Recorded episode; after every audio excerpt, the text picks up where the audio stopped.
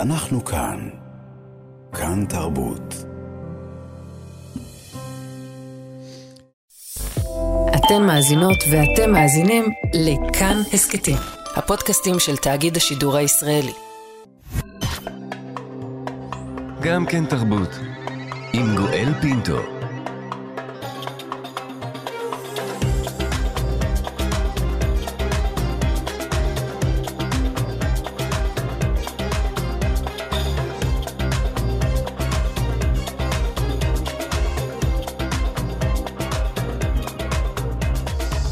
שלום שלום אה, לכולכם, אנחנו כאן, גם כן תרבות, מגזין התרבות של ישראל, בשבוע ה-19 למלחמת שבעה באוקטובר.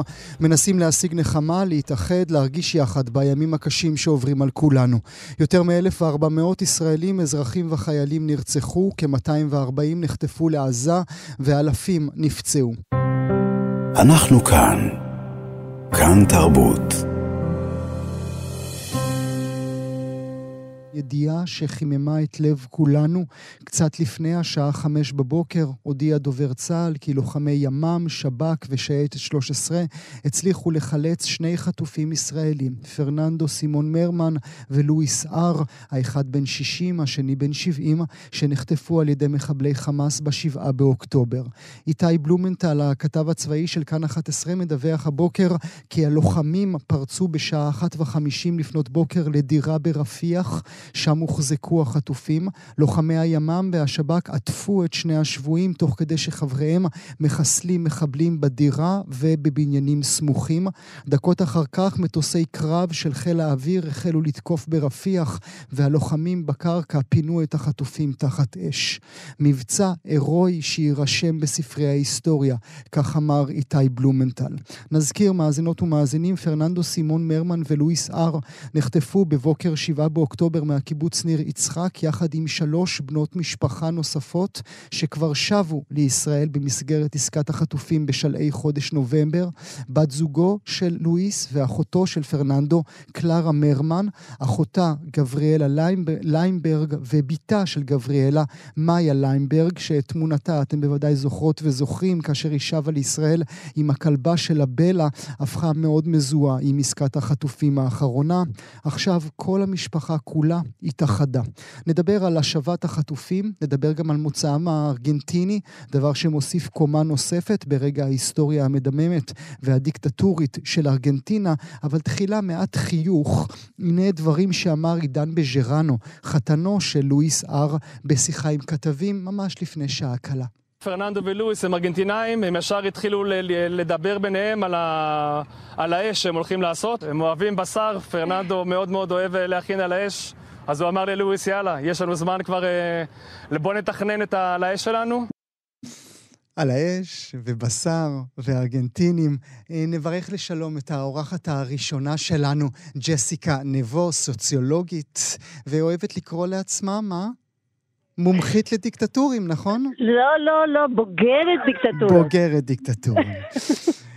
בוקר טוב לא לך. זה לא מצחיק, כן. זה רגע של uh, שמחה, גם uh, עבורך, גם עבור כולנו, וגם uh, גם עבור הרקע הארגנטיני שלך, נכון? נכון, זה כל כך מרגש והכל כל כך מעורבב בכל הסיפורי חיים שלנו, וכאילו כשדיברתי עם ההפקה שלכם ושאלו אותי אם אני מכירה אישית את לואיס ופרננדו, אז אני לא מכירה, אבל כאילו אני יודעת איך הם גדלו, ואני יודעת את הצליל של הדיבור שלהם, ואיך ההורים שלהם גידלו אותם, ואם הם היו בארגנטינה בתקופת הדיקטטורה, אני יודעת מה הם עברו. וההתחלה של, של רחוב קפלן, שהתחילו להופיע השלטים עם התמונות, אה, זה פשוט היה רגע של הלם, לכולנו, אבל לארגנטינאים פשוט היינו שם, וזה קפיצה ל-1977 של אימהות כיכר מאי עם, ה, עם התמונות של החטופים בבואנוס איירס. זה פשוט uh, בלתי נסבל. צריך uh, להזכיר למאזינות והמאזינים שלנו, ג'סיקה, שרבים, uh, ארגנטינאים רבים, uh, גרים בכל אזורי הקיבוצים האלה שחטפו את uh, שבעה באוקטובר, נכון? נכון.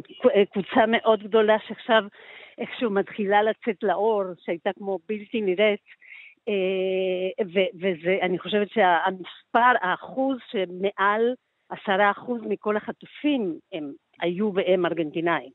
ו- וזה באמת אה, גרעינים בקבוצות של אנשים שהגיעו לישראל בתקופות שונות, ואני חושבת שזה נכון, אה, דיברתי עם מישהו שארגנטינאים בעיקר התבלטו בזה ופחות נגיד הגיעו לכנסת או הגיעו לפעילות ציבורית, אה, שזה גם מוזר, כי מתוך רובנו, אה, מתוך מה שקרה לנו אה, שם, או מה שחווינו דרך בני המשפחה, הרבה מאיתנו, לא כולנו, כולנו פעילים חברתיים בנושאים של זכויות אדם ונשים, ואנחנו לא, כאילו לא בולטים במקום הזה שרואים במקומות ציבוריים, אבל קבוצה מאוד גדולה של אנשים בהחלט הם בעוטף.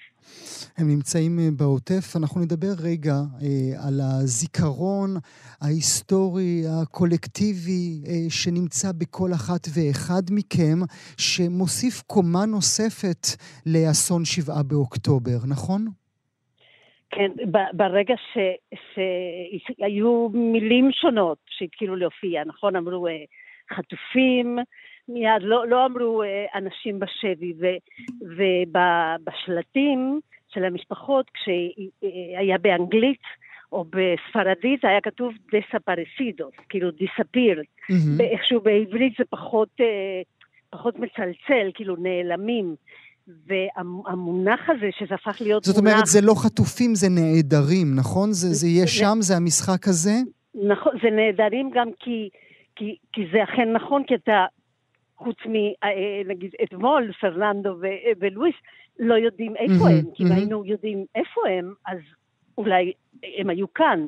והם בעצם אנשים שנחטפים מהבית שלהם, בדיוק כמו בארגנטינה, אה, על ידי לוחמים במרכאות מכל סוג. אה, שם הם היו נציגים של השלטון, ופה כולם עם מדים מסוימים, ונחטפים, אה, איך אומרים, לא, לא נודע, מקומם לא נודע.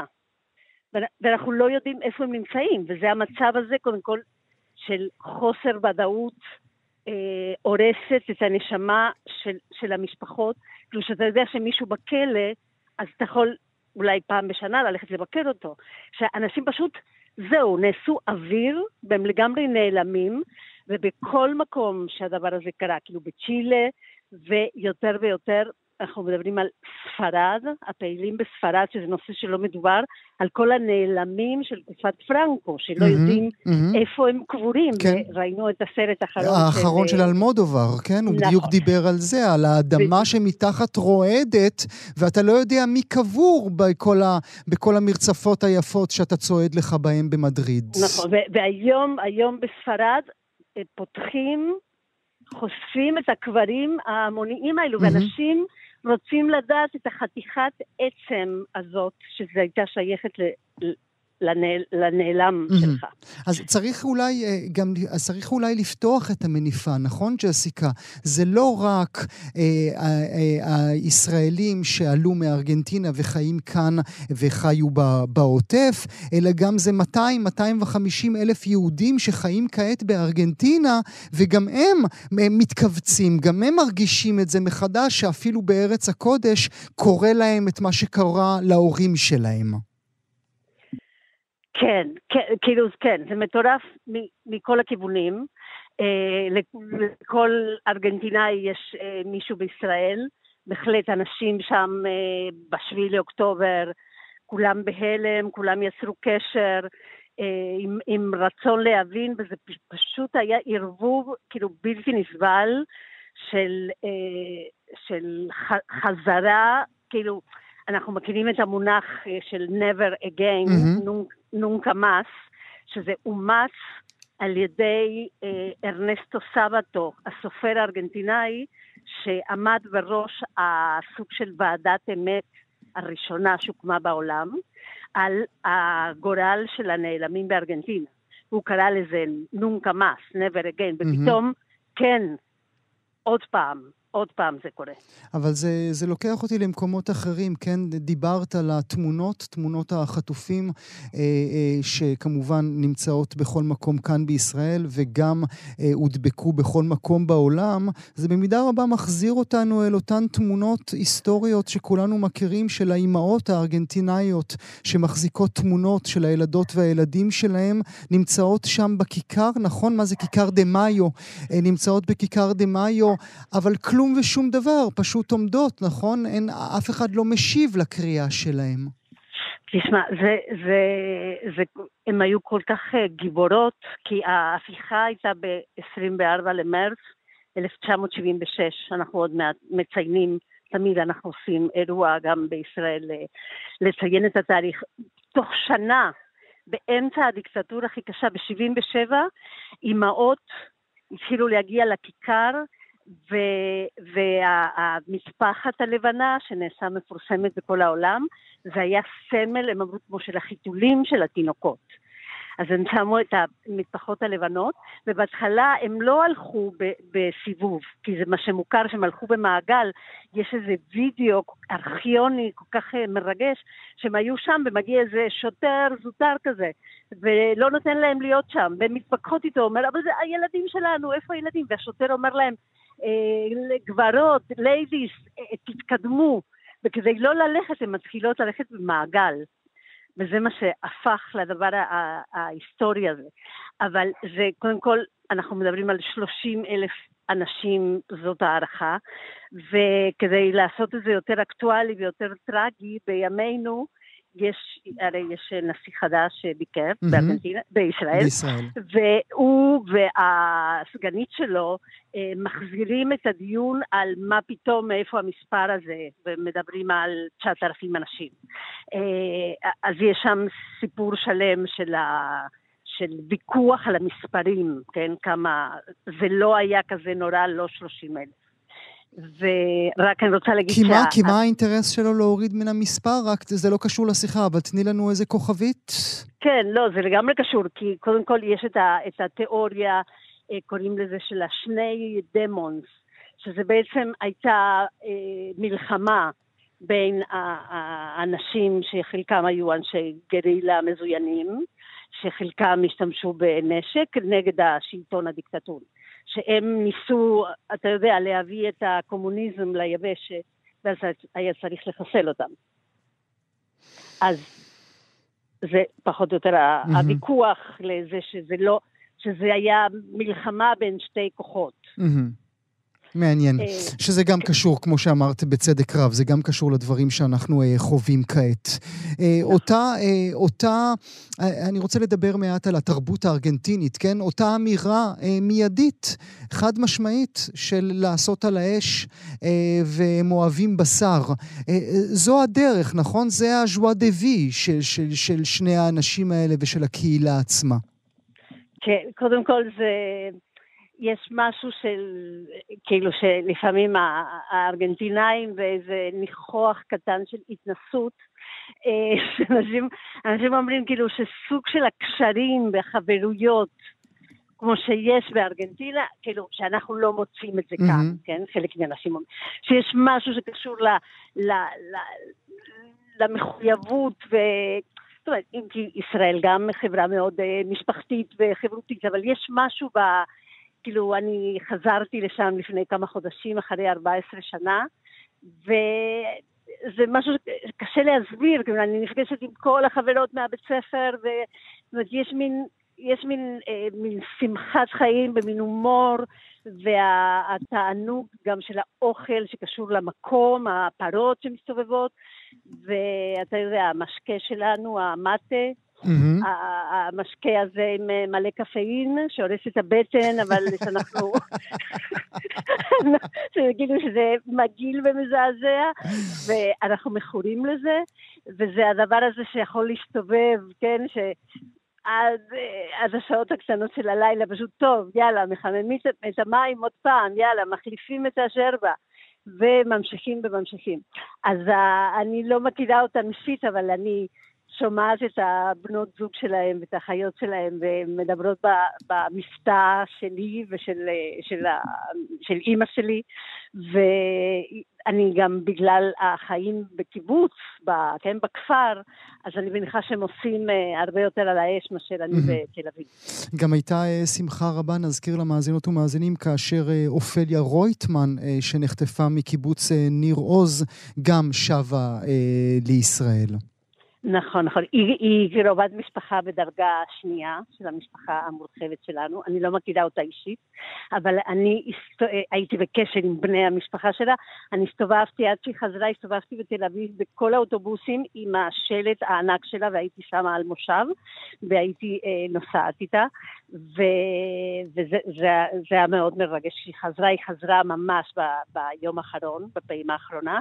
ויש עוד איזה חיבור, אולי תספיקו לשים איזה שיר, mm-hmm. שהמלצתי לכם, אה, ליאון חייקו, הוא הזמר של החזרה לדמוקרטיה. אנחנו ציינו עכשיו בדצמבר, אה, אתה מבין, אני אומרת ציינו, כן, כאילו ברבים, mm-hmm. אה, אם כאילו הייתי שם, ציינו 40 שנה לחזרה לדמוקרטיה. ב-83. Mm-hmm. והיו על זה הרבה אה, אירועים, והחזרה לדמוקרטיה זה החזרה להרבה זמרים ומלחינים שחזרו מהגלות הכפויה, mm-hmm. כמו מרסדס סוסה. כן. וליאון חייקו, שהוא גם שר הרבה עם מרסדס סוסה, אה, הוא שר את השיר המפורסם סולו לפיזו אדיוס. ואנחנו שומעים אותו. עכשיו אה, ברקע, ועוד יותר מזה צריך אה, לומר את החיבור לכאן, הוא הדוד נכון. של סמל אה, רון שרמן, שנחטף נכון. אה, ומת אה, בעזה בן 19. שזה סיפור קשה, כן. אה, והוא הדוד שלו. ועל זה גם היה עוד חיבור כזה מזעזע, כי הוא התבטא אה, הרבה אה, למענו. אז הנה, גם הקהילה הארגנטינית בישראל יכולה לעשות מעט על האש בבוקר המשמח הזה.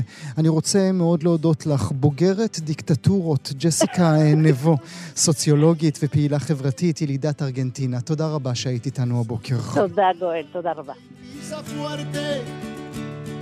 toda la pobre inocencia de la gente. Es un monstruo grande y pisa fuerte. אנחנו כאן.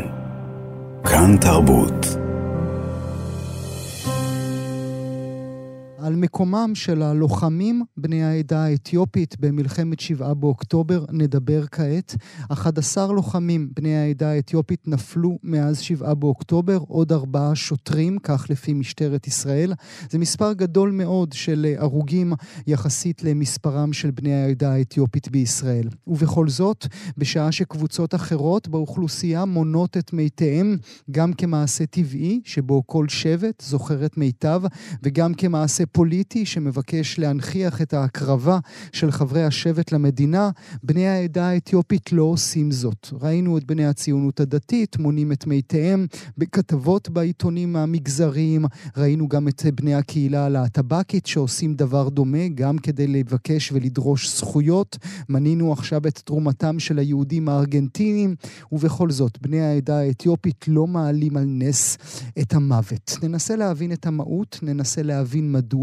על זה כמובן צריך להוסיף קומה נוספת, גם בראי 134 השבויות השבויים והשבויים הישראלים שנמצאים בעזה, יש שבוי אחד, אברה מנגיסטו, שכבר נמצא 3,445 ימים בשבי מחבלי חמאס. זה תשע שנים וחצי. איש לא יודע מה עלה ומה יעלה בגורלו. האם הוא בפוקוס של החברה הישראלית כמו שאר השבויים שנמצאים שם ארבעה חודשים? האם בכל עסקה שנרקמת או לא נרקמת לשחרור שבויים נראה גם את שמו ברשימות. לפני שנשוחח בעניין, אני רוצה מאזינות ומאזינים שנשמע יחד דברים מתוך כתבה ששודרה בסוף השבוע במסגרת התוכנית עובדה עם אילנה דיין בקשת 12, ובתוכנית הזו חן ליברמן ויאיר אייזנברג סיפרו את סיפור הלחימה על מוצב מגן בארי, אחד המוצבים הקרובים ביותר לגבול עזה, שעשרות מחבלי חמאס השתלטו עליו בשבעה באוקטובר. מי שהיו אמונים על הלחימה היו היו לוחמים מגדוד 13 של גולני. במהלך הסרט הפנומנלי הזה, ליברמן ואייזנברג שוחחו עם סגן תשגר טוואבה, אחד ממפקדי גולני באותו הקרב, ולמראה פניו היפים, דיבורו הרך ודבריו הנוכחים, אי אפשר היה שלא להבין את מהות בני העדה ואת גבורתם בכלל של לוחמי ישראל. הנה דברים שהוא אמר בכתבה. אתה מסתכל על המוצב, אתה רואה הכל עולה באש. אתה אומר כאילו, מה אני אעשה עכשיו? אני עוזב אותם? מצד אחד זה מרחק של כמה מאות מטרים. אתה לא יודע מה עובר עליהם. אתה לא יודע אם הם פצועים, אתה לא יודע אם הם חיים, אם הם מתים. מצד שני, אם אני לא נוסע עכשיו, זה שלידי הפצוע ימות לי בידיים. אתה יודע שעוד שנייה יבואו עוד יותר מחבלים. ואתה יודע שהתחמושת שלך לא תספיק. שאתה יודע שניסית הכל. ניסית הכל, לא הצלחת, אין מה לעשות.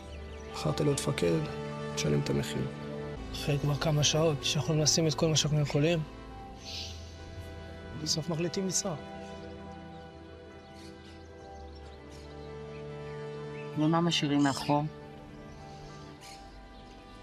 הדבר הכי יקר לך. חברים, לוחמים שלך. כן, אתה חושב על זה. חשבו שהפקרנו אותם? חשבו שאני הפקרתי אותם? לצערי אני בחיים לא יודע את זה. כך, סגן תשגה טוואבה, אה, בכתבה ששודרה בסוף השבוע בתוכנית עובדה עם אה, אילנה דיין בקשת 12. אה, בחרת להיות מפקד, תשלם את המחיר. נברך לשלום את עורכת הדין רוני מלכאי, פעילה חברתית שמוציאה בימים אלה את הספר עוצמה שחורה, יהודי אתיופיה והמסע לשוויון, שרואה אור בהוצאת ידיעות ספרים. עורכת הדין מלכאי, בוקר טוב לך. בוקר טוב, גואל. תודה רבה שאת נמצאת איתנו, וברכות רבות אה, על הוצאת הספר המעניין הזה שאת רבה. מוציאה אה, כעת. תודה. את, אם היית יכולה, אני רוצה לומר, לשבת, אבל אני בעצם מתכוון אם היית יכולה לחבק את תשגר, מה היית אומרת לו? שהוא בעיניי מסמל את תמצית הישראליות והאתיופיות. בעיניי הוא מסמל את היופי בשתי, ה... בשתי הזהויות האלה שיש בו. מעבר לזה שהוא מפקד, אמיץ, לוחם, מנהיג, שבאמת התגלה, כי גילינו כאן איזושהי מנהיגות נדירה שאנחנו כל כך צמאים אליה. אה, צמאים לה, ואנחנו מבקשים אותה, ואנחנו רוצים לראות אותה. והוא מבטא אותה, אבל הוא גם מבטא קול אה, של הרבה יוצאי אתיופיה וגם יוצאות אתיופיה, של גם לוחמים ולוחמות, והוא דוגמה אחת מיני רבות, אתה מנית שמה, קודם בפתיח שמה זה הדבר, שלך. שמה זה הדבר הזה שהוא מגלם בתוכו? הוא מגלם בתוכו את הישראליות, את זה שאנחנו כאן ואנחנו ישראלים כמו כולם, ואנחנו חלק מהחברה הישראלית, והוא המפקד תשגר, הוא לא התשגר האתיופי. ואני חושבת אבל ש... אבל את מבקשת ש... בדברים שלך שלא לוותר על הזהות האתיופית שלו, היא באה יחד.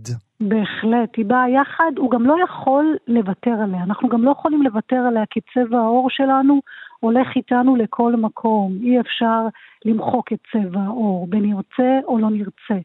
ולכן דיברתי על שילוב של ישראליות ואתיופיות, והוא בעיניי מבטא את היופי הזה בין שני הדברים, כי אתה מסתכל עליו ואתה רואה ואתה אומר, הוא ישראלי ויש בו גם אתיופיות, יש בו את, ה, את הענווה, את הצניעות, את הכבוד, את היופי וגם את הישראליות mm-hmm. היפה והמחברת, mm-hmm. וה, והוא, והוא בעיניי הוא, הוא, הוא מפקד והוא מנהיג, וככה אני רוצה שיראו mm-hmm. את יוצאי אתיופיה. והוא מזכירה... האיר גם באור. את מזכירה את הענווה והצניעות. אלה mm-hmm. באמת תכונות שצריך להצדיע להן, אבל אולי במידה רבה הם גם אה, עמדו ועומדות לרועץ אל מול, אה, אל מול בני הקהילה האתיופית בישראל, אולי בשני הדברים אה, שמניתי בתחילת דבריי. גם העובדה שאתם לא מעלים על נס, הקהילה האתיופית לא מעלה על נס את, ה, את ההקרבה הרבה שלה, ואת המתים הרבים שבאים מתוך הקהילה עצמה, וגם כמובן גורלו של אברה מנגיסטו. נכון. אני, אני מסכימה איתך לחלוטין. אני מסכימה לחלוטין, כי אני חושבת שאנחנו למדנו עם הזמן, אין, אין רע בענווה וצניעות, אני חייבת לה, להדגיש את זה.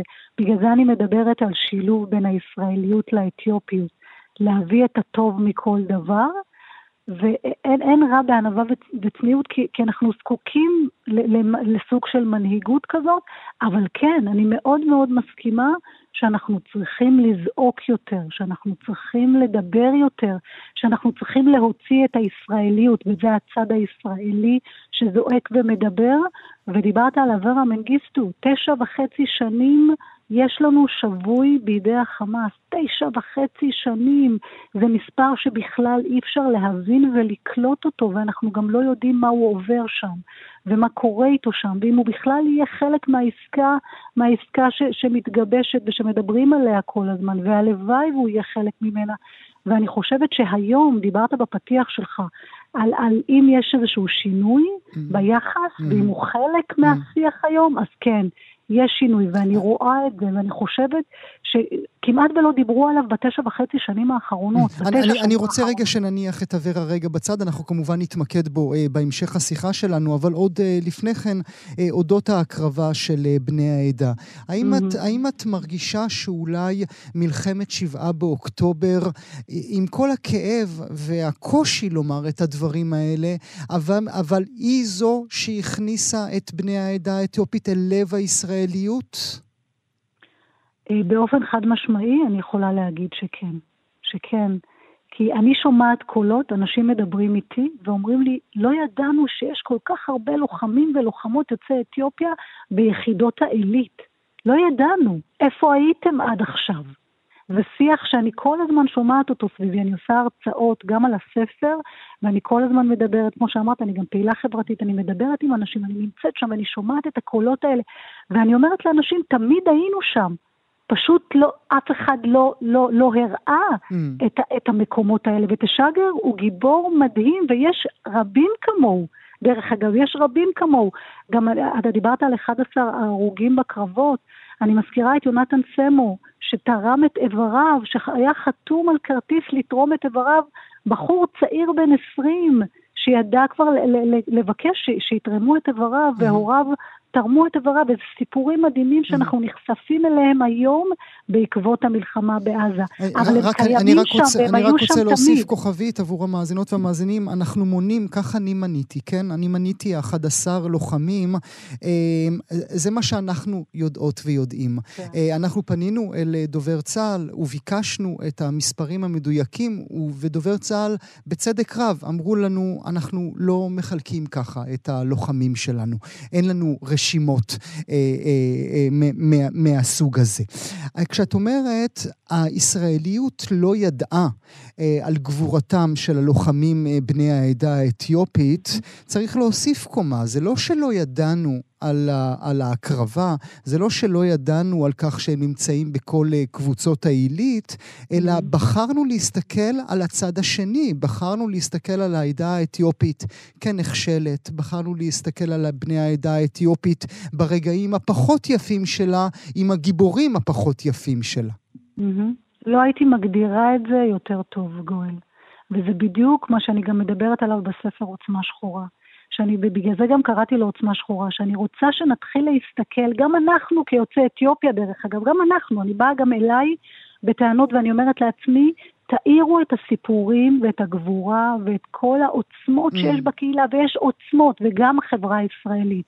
תתחילו להסתכל על, ה, ועל הגיבורים, הגיבורים שהתחילו במסעות בסודאן שלא קיבלו מקום. אנחנו מדברים היום על החיילים ועל הלוחמים, אבל זה הולך אחורה 40 שנה mm-hmm. מאז העליות של יהודי. ההורים שלהם לימדו אותם להיות גיבורים, כן.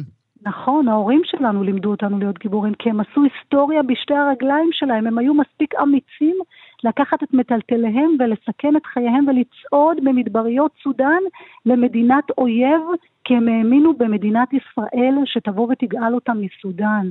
וזו גבורה ש, שבכלל אי אפשר בכלל לתפוס אותה, אני לא בטוחה שאני ואתה היינו עושים את זה היום, ואני רוצה להגיד שהגיבורים האלה זה משהו שלמדנו בבית, משהו שראינו בבית, ואת העוצמות האלה אנחנו צריכים להתחיל להדגיש כדי לתקן, בשביל תיקון, לתקן את הנרטיב השגוי שיש על קהילת יוצאי אתיופיה, והוא מתחיל להיות, אנחנו רואים את זה היום, עם הגיבורים הלוחמים שלנו. אני רוצה שנדבר על תחילת התיקון, ולראות בעצם את המבע. של החברה הישראלית הכללית, הלבנה, אם אפשר לקרוא לה בכלל לבנה, mm-hmm. כן? גם זה מטופש בפני עצמו, אל, אל בני העדה האתיופית. בפרק, בספר שלך, עוצמה שחורה, אני מזכיר מאזינות ומאזינים, עוצמה שחורה, את מקדישה אה, פרק אה, לאברה מנגיסטו. ואת עושה מין השוואה, וגם זה לא יהיה הוגן לומר, את לא באמת משווה, בין אה, גלעד שליט לאברה מנגיסטו, ואת עוד לוקחת את ויקיפדיה. בוויקיפדיה כמשל. את מזכירה לנו שלגלעד שליט בערך שלו בוויקיפדיה יש 3,349 מילים, ולערך של אברה מנגיסטו יש, יש 1,458 מילים, כאשר אה, לשניים נוספים, כן צריך להגיד שיש עוד שני, אה, שני אה, חטופים אה, בדואים אה, בעזה, נכון. אה, אה, אישם אה, ביניהם, אין, אין, אין להם ערך בכלל. אה, את אומרת אה, אה, שגלעד שליט היה הילד של כולנו ואברה הוא הילד של אף אחד. את אומרת שלשליט, שאומרים לך שלשליט הייתה משפחה טובה שדאגה לו ונלחמה בשעה שהמשפחה של מנגיסטו שותקת. את באמת מרגישה שעכשיו 24 הדברים השתנו, שמישהו זוכר את אברה חוץ מהתוכנית שלנו שמונה את ימי שביו כבר כל כך הרבה שנים? כן, אני, אני חושבת ש, שיש תיקון ויש שינוי. אה, אנחנו רואים את זה, זה בא לידי ביטוי גם כשיש את ההפגנות של החטופים, אז משפחת אברה נמצאת שם. יש פעילים חברתיים יוצאי אתיופיה שמגיעים כל הזמן ומדברים ומשתפים. יש גם מפורסמים ש, שמדברים על אברה, זה משהו שלא היה קודם. אני גם כותבת בפרק, דרך אגב, שיש דוגמאות מאוד מאוד בודדות, כמו היהודים באים שעשו, שעשו על זה, אתה יודע, דיברו, דיברו על, על אברה, ועל זה ששכחנו אותו, שעידן עמדי mm-hmm. עוד דיבר, כתבתי עליו. עידן עמדי עשה את זה, עושה את זה רבות. אבל את כן מזכירה, בהחלט, אבל את כן מזכירה ו... בספר את העובדה שלגלעד שליט נכתבו שירים על ידי אביב גפן, נכון. אייל גולן, מירי מסיקה נכון. ואריק ברמן, גם נינט טייב ושלומי שבת, ועל אברה, אה, מי כבר שר? אולי שיר אחד נכון. של שלומי שבת שאותו נכון. מצאת. נכון מאוד, וזה היה אז, וזה מה שאני רוצה להגיד, שבתשע וחצי, בתשע שנים האחרונות כמעט ולא דיברו עליו. כמעט ולא דיברו עליו, ודיברת על שני החטופים הבדואים, מצבם אפילו יותר רע מאברה מנגיסטו, שכמעט אף אחד לא יודע גם איך קוראים להם. איך קוראים להם. והיום יש תיקון. יש תיקון, רואים את זה בשטח. פעילים חברתיים יוצאי אתיופיה מדברים, מתראיינים, התקשורת מזמינה אותם, כמו שאתה אומר, אתם מונים את מספר הימים, ויש תיקון. הוא לא מספיק כמובן, mm. וצריך לעשות יותר כדי לא לשכוח אותו, אבל יש תיקון, ואני רואה את התיקון הזה, והוא, והוא מתבצע, רואים אותו יום-יום. אולי אה, מילה לסיום, ואולי נסכים, אה, אה, רוני, עורכת הדין מלכאי, שהתיקון יהיה אם נראה שכאשר ישובו 134 השבויות והשבויים, שאכן אברה והישם נמצאים איתם. אמן, אמן ואמן. בתפילה לחזרתם באמת של כל השבויים ול... ולשלומם של החיילים. עוצמה שחורה, ספרה חדש של רוני מלכאי, אה, יצא כעת בידיעות אה, ספרים, קחו אותו אה, לידיים. אני למדתי ממנו רבות. אני מודה לך על השיחה הזאת. תודה רבה, גואל, על ההזמנה. תודה רבה. אנחנו כאן. כאן תרבות. הסופרבול, משחק ההכרעה של אליפות ליגת הפוטבול האמריקנית, שנחשב ממש ליום חג באמריקה, נערך הלילה בלאס וגאס. קנזס סיטי צ'יפס, האלופה המכהנת, ניצחה את הטוענת לכתר סן פרנסיסקו 49ers. הסופרבול הוא לא רק אירוע ספורט שצופים בו כ-200 מיליון צופות וצופים, אלא גם רגע תרבותי משמעותי, גם בהופעות האמצע המונומנטליות שמשודרות בו בכל שנה. אתם שומעים עכשיו ברקע את אשר שהופיע הלילה באירוע האמצע. אבל גם בפרסומות היוקרתיות והיקרות, כשבעה מיליון דולרים לסלוט של חצי דקה. השנה נוצרה קומה תרבותית נוספת, אולי מפגש בין עולמות, כאשר הזמרת המפורסמת בעולם, טיילור סוויפט, כיכבה בלילה באיצטדיון, היא עודדה את בן זוגה, השחקן טראביס קלסי, שחקן הקנזס סיטי, שניצחה. נטוס כעת לניו יורק, שם נמצאת אשת הפרסום דורית גביל, מנהלת פעילות קבוצת פובליסיס ישראל. בוקר טוב לך. בוקר טוב. תודה רבה שאת נמצאת איתנו ושנותרת ערה, במיוחד עבורנו. איך זה לצפות בסופרבול בפאב ניו יורקי? זה מרגיש כמו בסרטים? זה חוויה מדהימה, אני ממליצה את זה לכל אחד. ויש פה עניין תרבותי שהוא הוא, הוא בדיוק כמו כל קלישאה שאפשר לדמיין. מתכנסים הרבה זמן לפני, אה, שומרים את המקומות הטובים כדי לראות את המסך. אמ, הפעם היה קשה לדעת מי אוהד מי, כי שתי הקבוצות הן קבוצות אדומות, אז גם הקהל, גם באיצטדיון וגם אה, ברחבי העיר היו באדום. אה, אבל היה משחק מדהים, זאת אומרת, גם ההכרעה עצמה הייתה ברגע האחרון. לצערי הרב, המשחק היה יותר טוב מהפרסומות עצמם השנה. ועליהם נדבר אה, בעוד רגע. המעריצים אה, אה, אה, רבים אה, אה, אחד עם השני תוך כדי המשחק בפאב? אני חושבת שהשנה, ובגלל זה גם המחירים הרקיעו, אה, הרקיעו באופן משמעותי, אה, נוצר קהל חדש למשחק. קודם כל היה דיון גדול האם טיילור תצליח להגיע למשחק או לא. היא הייתה באמצע טור, אה, אז מי שראה ועקב היה טרנד שלם לחשב את זמן הטיסה שלה מהטור ביפן למשחק, אז כמובן שהיא הגיעה. סטטיסטיקות, כמה כמה, אה, זה לא גולים, אז אני מתנצלת על כמה טאצ'דאונס יש כשטיילור נמצאת אה, בקהל, ממש, ממש כל מיני סטטיסטיקות סביב הנושא הזה של מהרגע שהיא התחילה לצאת איתו, מה התוצאות של הקבוצה, דברים מטורפים. כל דבר כזה יש לו משמעות כספית כמובן. אז כן, נוצר קהל חדש, כל הסוויפטריות. אז זה בעצם משחק של מי בעד או נגד טיילור סוויפט, זה בכלל אה, לא, לא משחק ספורט. אצלנו, אצלנו בבר זה היה clear cut. הבנות היו בעד, הבנים היו נגד, היה מאוד מאוד ברור וקל לראות מי שמח ומי עצוב כל פעם ש... שהקבוצה של אה, טרוויס אה, מצליחה. הצלחת להבין, אנחנו כבר רואים כותרות ממש בשעה האחרונה, מאזינות ומאזינים, אה, כותרות במונחים של הבן זוג של טיילור סוויפט ניצח בסופרבול, כן? הפוך על הפוך על הפוך. את מצליחה להבין את אמריקה וטיילור סוויפט?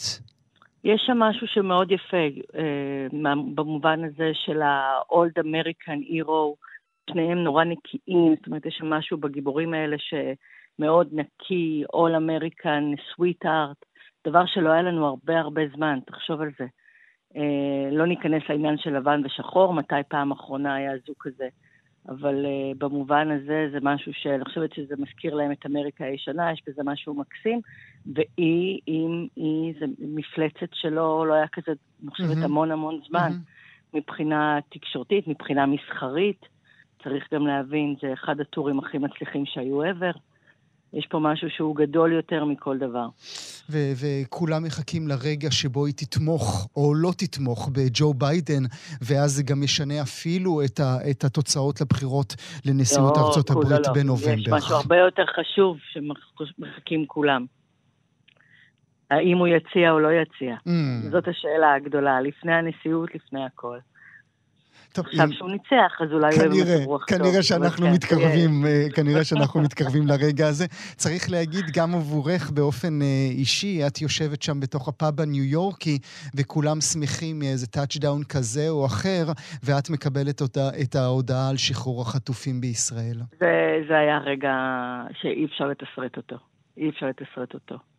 הקהל כולו שואג גם בטלוויזיה וגם אצלנו בבר, ואנחנו מקבלים את הדיווח על שני החטופים ששוחררו, חולצו בריאים ושלמים, וזה באמת משהו שהוא מדהים. אתה רואה את ה...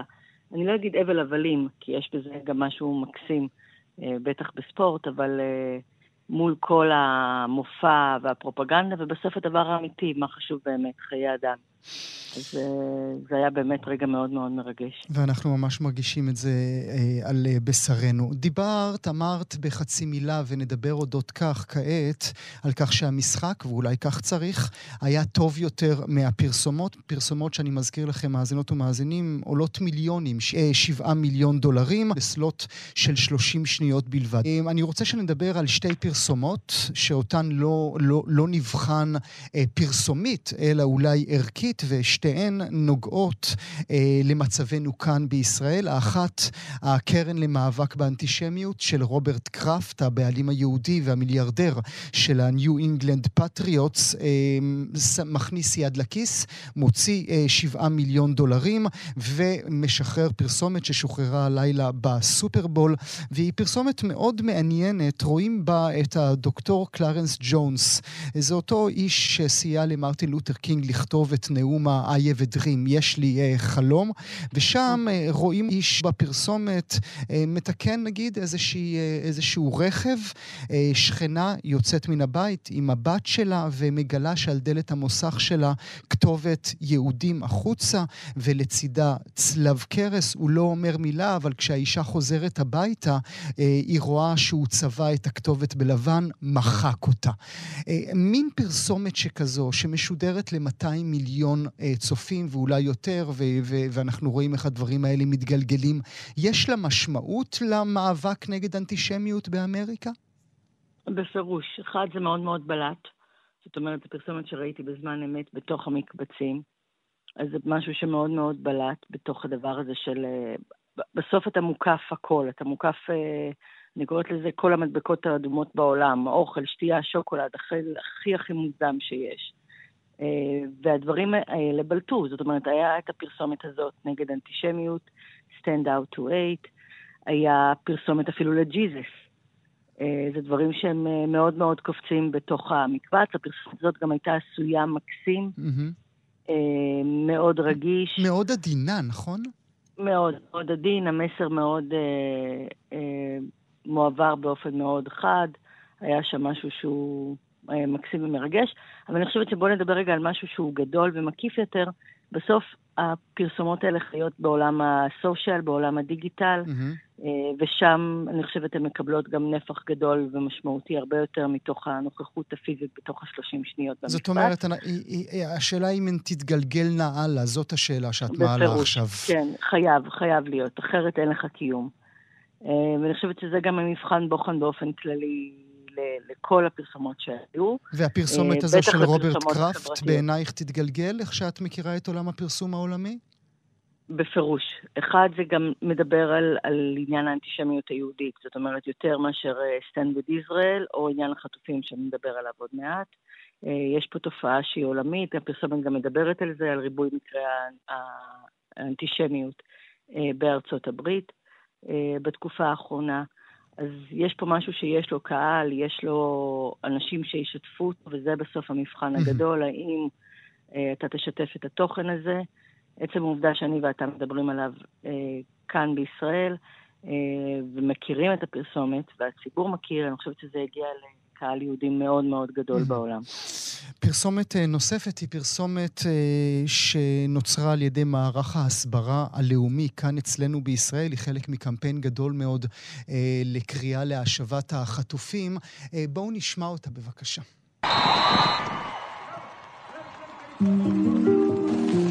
To all the dads,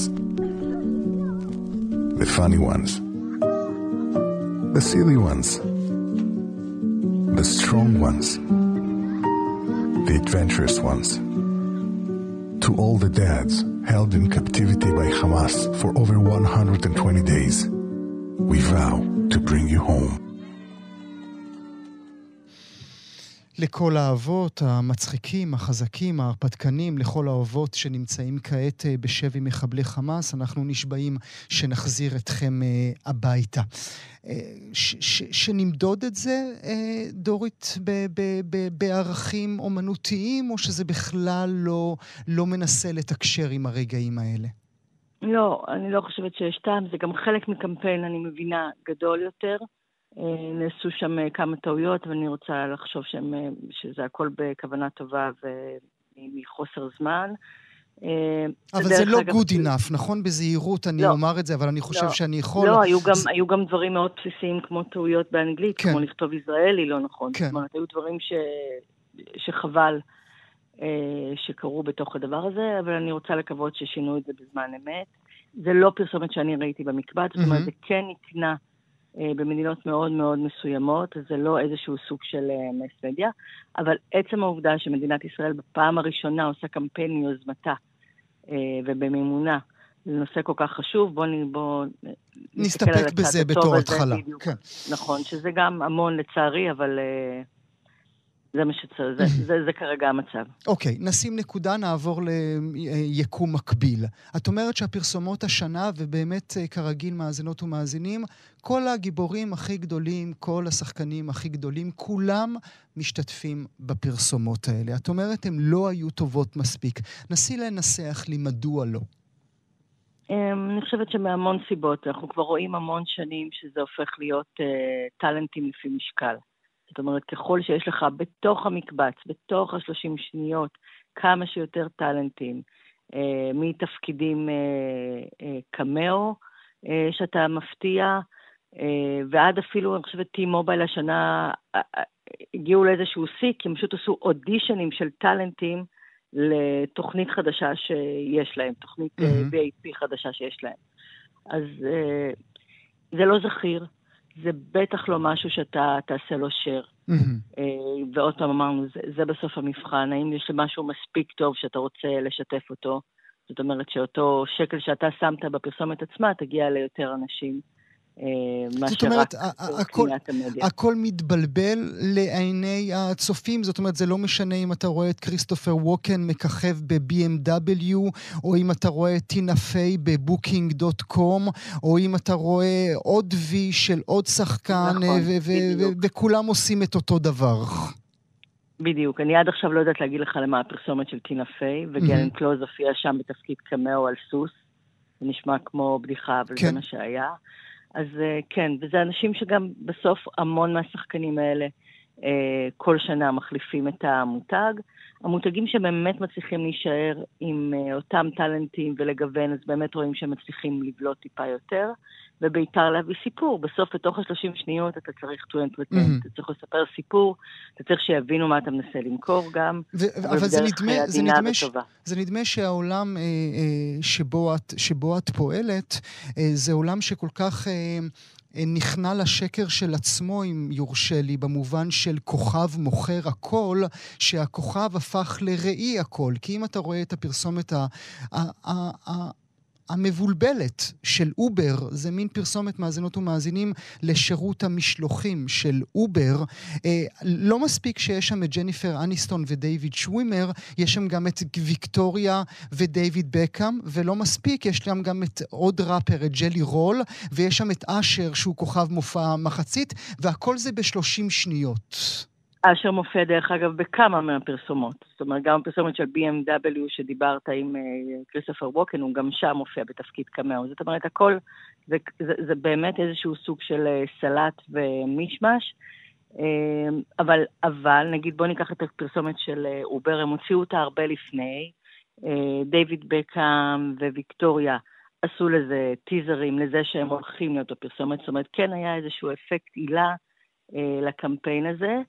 אה, וניסו לייצר לו איזשהו עוד יותר גדול ממה שהוא היה באמת. התובנה שם פשוט לא מספיק טובה, אתה צריך לפנות מידע בראש כדי שיהיה לך את המידע של אובר, mm-hmm. וב understatement זה לא מספיק טוב. ואפילו המפגש של ג'ניפר אניסטון שאומרת לדייוויד שווימר אה, שהיא לא זוכרת אותו, רגע נחמד, אבל בטח לא רגע זכיר. אה, עם פרסומת שמדברת על זיכרון, כן. כן. אה, מי מאיתנו זוכר את דיוויד שווימר, בחייך. אני מודה לך מאוד. דורית גביל, מנהלת פעילות קבוצת פובליסיס ישראל, תודה שהיית איתי הבוקר. תודה.